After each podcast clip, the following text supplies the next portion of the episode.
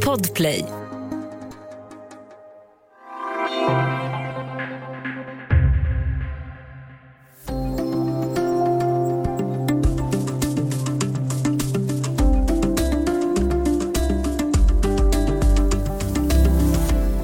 Numera går det att se en ny film i provisoriska lokaler i socknar över hela landet och den som är kvar i stan kan ha tillgång till halvtomma biografer. Äntligen! Men vad ska man se då? Ja, det får vi veta strax. Välkommen till Studio DN. Jag heter Sanna Thorén Björling.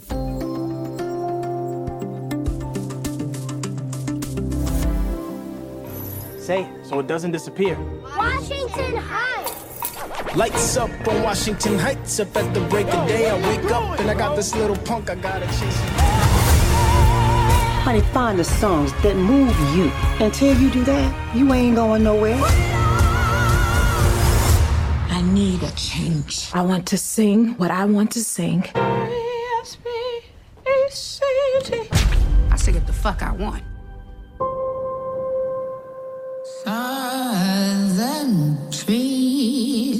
Off that stage. Ja, bland sommarens filmer finns flera amerikanska musikfilmer. Vi återkommer till dem om en liten stund. För vem kan bättre guida oss i filmdjungeln än DNs filmredaktör Helena Lindblad som tillsammans med Nicolas Wenner levererar mängder av filmmaterial varje vecka. Välkommen Helena! Eh, tack. tack. Du, har du någon så här favoritsommarbiograf? Ja, det har jag. Jag brukar vara i eh, Norrtäljetrakten på somrarna och där finns det en biograf inne i stan som heter Bio Royal som är väldigt liten och väldigt mysig. Och, äh, jag försöker verkligen hitta, se någonting där varje sommar. För några år sedan så var vi där och såg Midsommar, den svensk-relaterade skräckfilmen av Ari Aster. Och det var lite så här magiskt att komma ut i den sommarnatten svensk, efter att ha sett den där filmen. Kalla kårar. Jag brukar ja. eh, gå på bio i en bygdegård i Småland. Det är också väldigt mysigt. Ja. Men du, om man är i stan, om man ska gå på bio i sommar, vad är det då som gäller eh, när det gäller eh, restriktioner och regler? Kan man gå som vanligt eller? Alla biografer eh, är ju öppna, som, eh, som kan vara det. Filmstaden öppnade ju stort i början på juni. Det gäller ju nu 50 personer per salong just nu, det kan ju ändras. Eh, men i övrigt så eh, är det som vanligt. Eh, man sitter med, med lite distans och sen är det väl vettigt att förboka biljetter tänker jag för att man är säker på att man får plats där man vill. Mm. Just det. Du, julen brukar ju vara en stor biopremiärhelg. Det är ofta breda filmer som passar familjer och en stor publik. Vilka sorts filmer skulle du säga är typiska sommarfilmer? Breda underhållningsfilmer, action, eh, äventyr, eh, familjefilmer, animerade filmer eh, är vanligt. Eh, och det är, sommaren har seglat upp som en väldigt viktig bioperiod, vilket mm. inte var för ett antal år sedan. Eh, och det, det, så ser det ut i USA och så ser det ut i Sverige också. Så att det mm. har blivit, och när det gäller svensk film så har, var det ju helt, um, ingen ville gå upp med svenska filmer på sommaren förr i världen, men nu är det allt vanligare. Och det har också funnits stöd, för att, alltså lanseringsstöd för att gå upp på sommaren. Mm. Eh, som det ser ut i år så är det, finns det en enda film egentligen att välja på. Det är Sune, Uppdrag midsommar, i och för sig vältajmad. Den gick upp i, till skolavslutningen. Så vill man ha lite så här sommarfeeling hos Sverige så är det vad man har att välja på. Då får man titta på Sune. Mm. En eh, av de största filmerna i sommar, det är något helt annat. Det är den här. Jacob is Dom's brother. Your whole life you pushed yourself to be faster than Dom. Smarter than Dom. Stronger than Dom. But could you kill him? ja, vad var det vi hörde här, Helena? Ja, det var eh, sommarens actionrökare, nämligen Fast and Furious 9, The Fast Saga. Det är alltså en helt osannolikt framgångsrik filmserie som jag tror att de som följer den älskar och de som inte gör det fattar ingenting.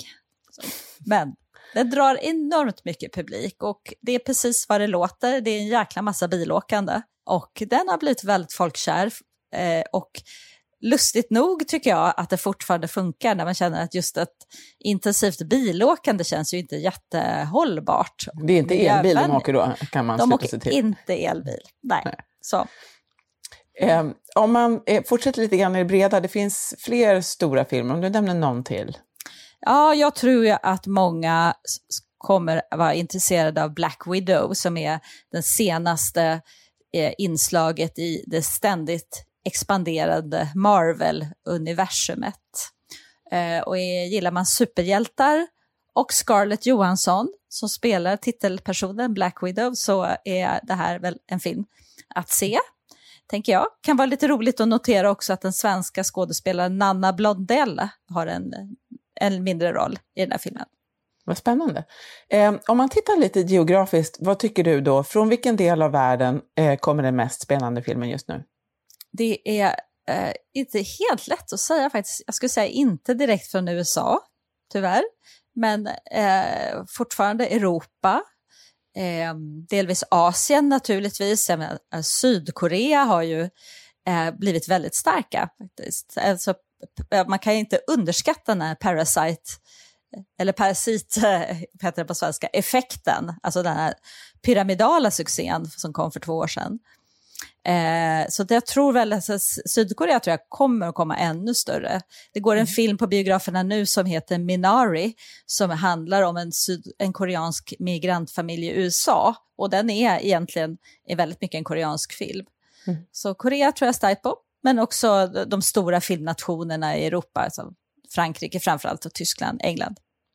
Eh, från Asien, från Japan, så kommer det flera animerade filmer eh, under sommaren som har gjort succé eh, på hemmaplan där. Och för de som inte är bekanta med japansk animation, vad skulle du säga, vad är det som är så märkvärdigt med den? Eh, den är väldigt expressiv, den är väldigt konstnärlig, den är väldigt tydlig, den är också väldigt så här, välanpassad med, det är ju manga-traditionen, vä välanpassad till just att berätta så här storslagna, episka, actionspäckade äventyr. Eh, och det är, är, är en stark, jag menar Japan och animation är ju superstarkt sen eh, eh, Miyazakis eh, eh, tri triumftåg över hela världen.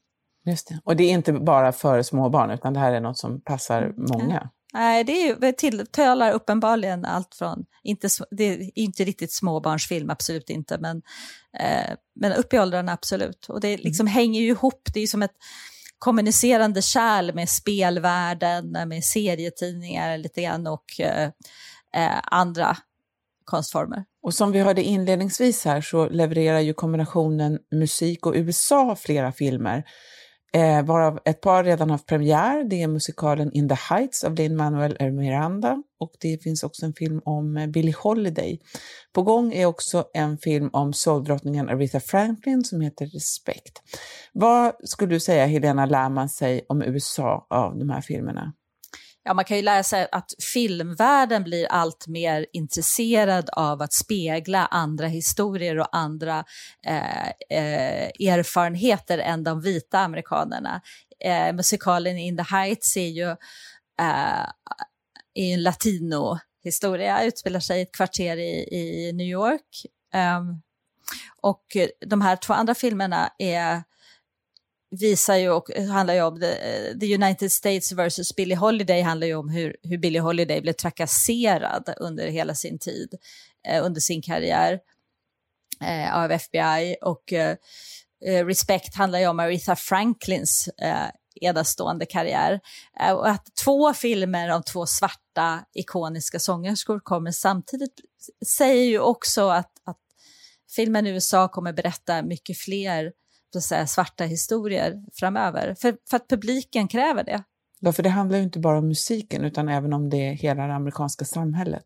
Definitivt, och det är ju liksom den, vad ska man säga, den rasistiska historien som påverkar samhället, som skapar ojämlikheter idag på alla möjliga olika plan, eh, vill man nu verkligen eh, vädra ut. Om vi flyttar oss till Europa istället, då kan det låta så här. Du hast gesagt, dass du mich liebst. Für immer. Das hat mich glücklich gemacht. So glücklich, wie ich noch nie glücklich war. À cet instant précis, il n'y avait rien au monde que j'aurais pu lui refuser. Je voulais passer tout mon temps avec lui. Et pourtant, quand j'étais avec lui, cela ne suffisait pas non plus. Ja, Elena, du nämnde ju tidigare som hastigast både Tyskland och Frankrike. Vad var det vi hörde här? Ja, först hörde vi uh, ett stycke ur en tysk film som heter Undine.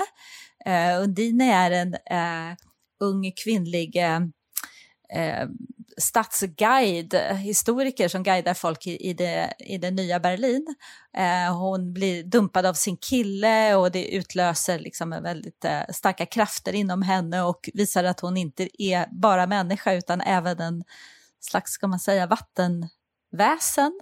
Eh, så det finns en blandning av väldigt så här, stark realism och mycket surrealism och det blir en väldigt så här, magisk och vacker saga om eh, passion, kärlek, sorg och mycket badande. Ja, det låter väldigt somrigt. Ja, det är det. det Och sen hörde vi en bit från François Ozons nya film. Han är ju en superflitig fransk regissör som levererar eh, filmer i parti och minut. Inte alltid jättebra, men, ju, men den här ser otroligt lockande ut. Aidan Chambers har skrivit boken om eh, och det här har blivit en väldigt så här, somrig och härlig coming of age eh, historia med homosexuell tematik. Ja, just det. Det var Dansa på min grav, den här boken som kom i mitten av 80-talet. Ja, just det, som jag tror många läser. Och så älskar att hitta en viss typ av böcker och göra liksom sina egna tolkningar av dem. När vi kommer tillbaka efter pausen ska vi se om vi kan hitta filmer till lite olika kategorier av publik.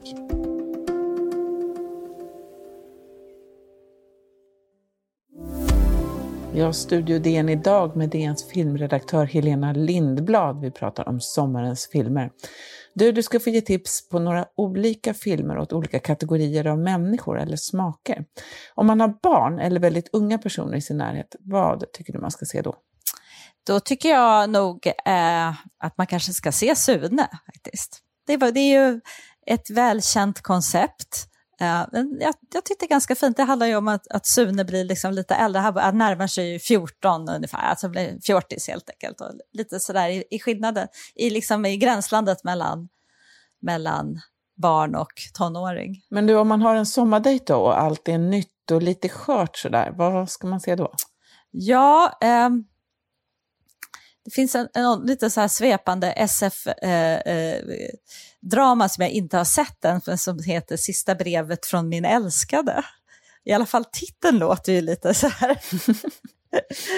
Annars så tycker jag just den där, eh, om man vill vara lite mer äventyrlig kanske, just den här Undinen som vi pratade om. Eh, det finns i alla fall väldigt mycket att diskutera när man har sett den, vilket kan vara bra om man går ut med någon ny. Ja, om man vill ha något som inte är sådär jätteallvarligt då, lite mer lättsam underhållning, vad passar då? Ja, alltså, det, jag tänkte faktiskt på den här eh, sedan, italienska Pinocchio, eh, filmen som kommer i augusti. Augusti börjar verkligen så här hetta till. Eh, Matteo Garone, det är, alltså, det är en, eh, vad ska man säga, live action-tolkning av den gamla Pinocchio-sagan med Robert Beni Roberto Benigni i huvudrollen. Om ni kommer ihåg honom i Livet är underbart. Och de som är riktigt gamla kommer ihåg honom från eh, Jim Jarmusch film. Ja, vi kan väl höra lite grann på hur den låter. Ja. I've been thinking to make with my hands by myself a wooden puppet. Pinocchio, try say something. Babbo. I have a son! My son is born! From one day to the next. What do you mean from one day, from one minute to the next? Ja, det är en riktig saga det där. Det är en riktig saga, ja. Väldigt så här mustig och lite burlesk. Och, alltså han jobbar liksom, det är inte, det är inte CGI, det är inte datoranimerat. Att det här är väldigt mycket så här handfasta liksom, kostymer. Men det är mycket så här magiska djur och otroligt eh, ja, fantasifullt faktiskt och äventyrligt. Jag blev faktiskt ganska förvånad över, jag tänkte kan man göra det här en gång till på ett roligt sätt? Och det är ju en ganska sorglig saga också på sätt, ja, men det ja, man. det kan man. Ja. Men du, om man vill sugas in i någonting kanske tyngre, kanske lite mer drama eller lite mer verklighetsförankrat, vad tycker du, vad ska man se då? Jag ska säga faktiskt, det finns två filmer som kommer i augusti som jag är helt eh, do, eh, knockad av. Det är en dansk animation som heter Flykt, som är en, vuxna, alltså en, en animerad film för vuxna, som är en faktiskt animerad dokumentär, vilket är en väldigt originell genre. som har växt jättemycket uppmärksamhet utomlands. Som sagt, den heter Flykt och det handlar om en, en man som har eh, som har emigrerat till Danmark eller som har flytt till Danmark från ett krigshärjat land och eh, när han ska gifta sig, han är homosexuell och när han ska gifta sig med sin man så måste han konfronteras med sitt förflutna som är ganska speciellt.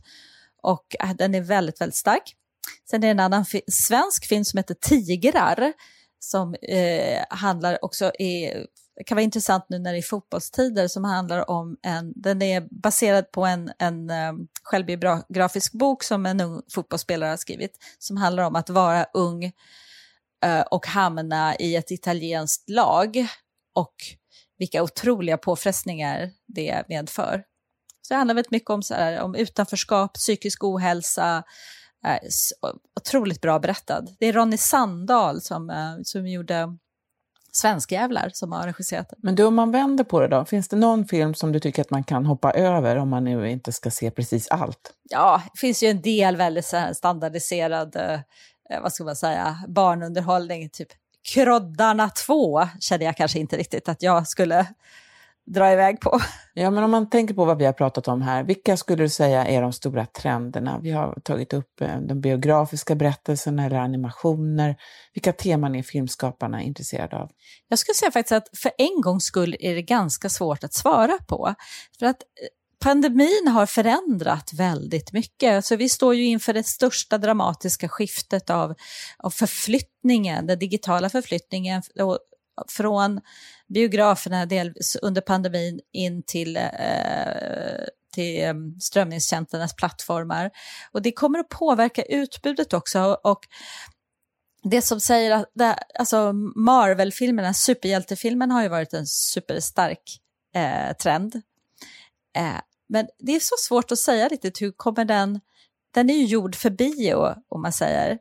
Eh, så det gäller ju att liksom folk kommer tillbaka till biograferna för att den eh, ultradyra eh, upplevelsebaserade underhållningen ska fortsätta vara stark.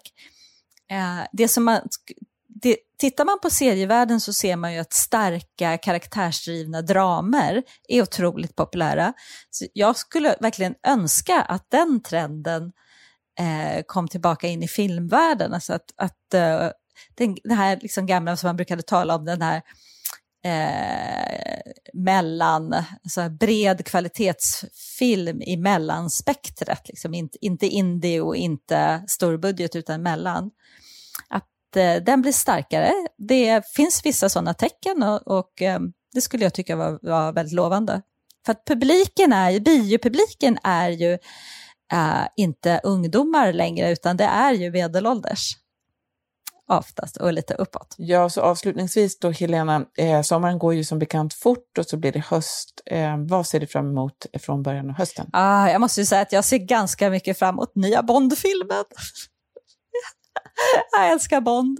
Alltså, det kommer ju vara den sista med Daniel Craig, No time to die. Den har ju liksom legat på hyllan ett och ett halvt år. Men jag ser väldigt mycket fram emot den.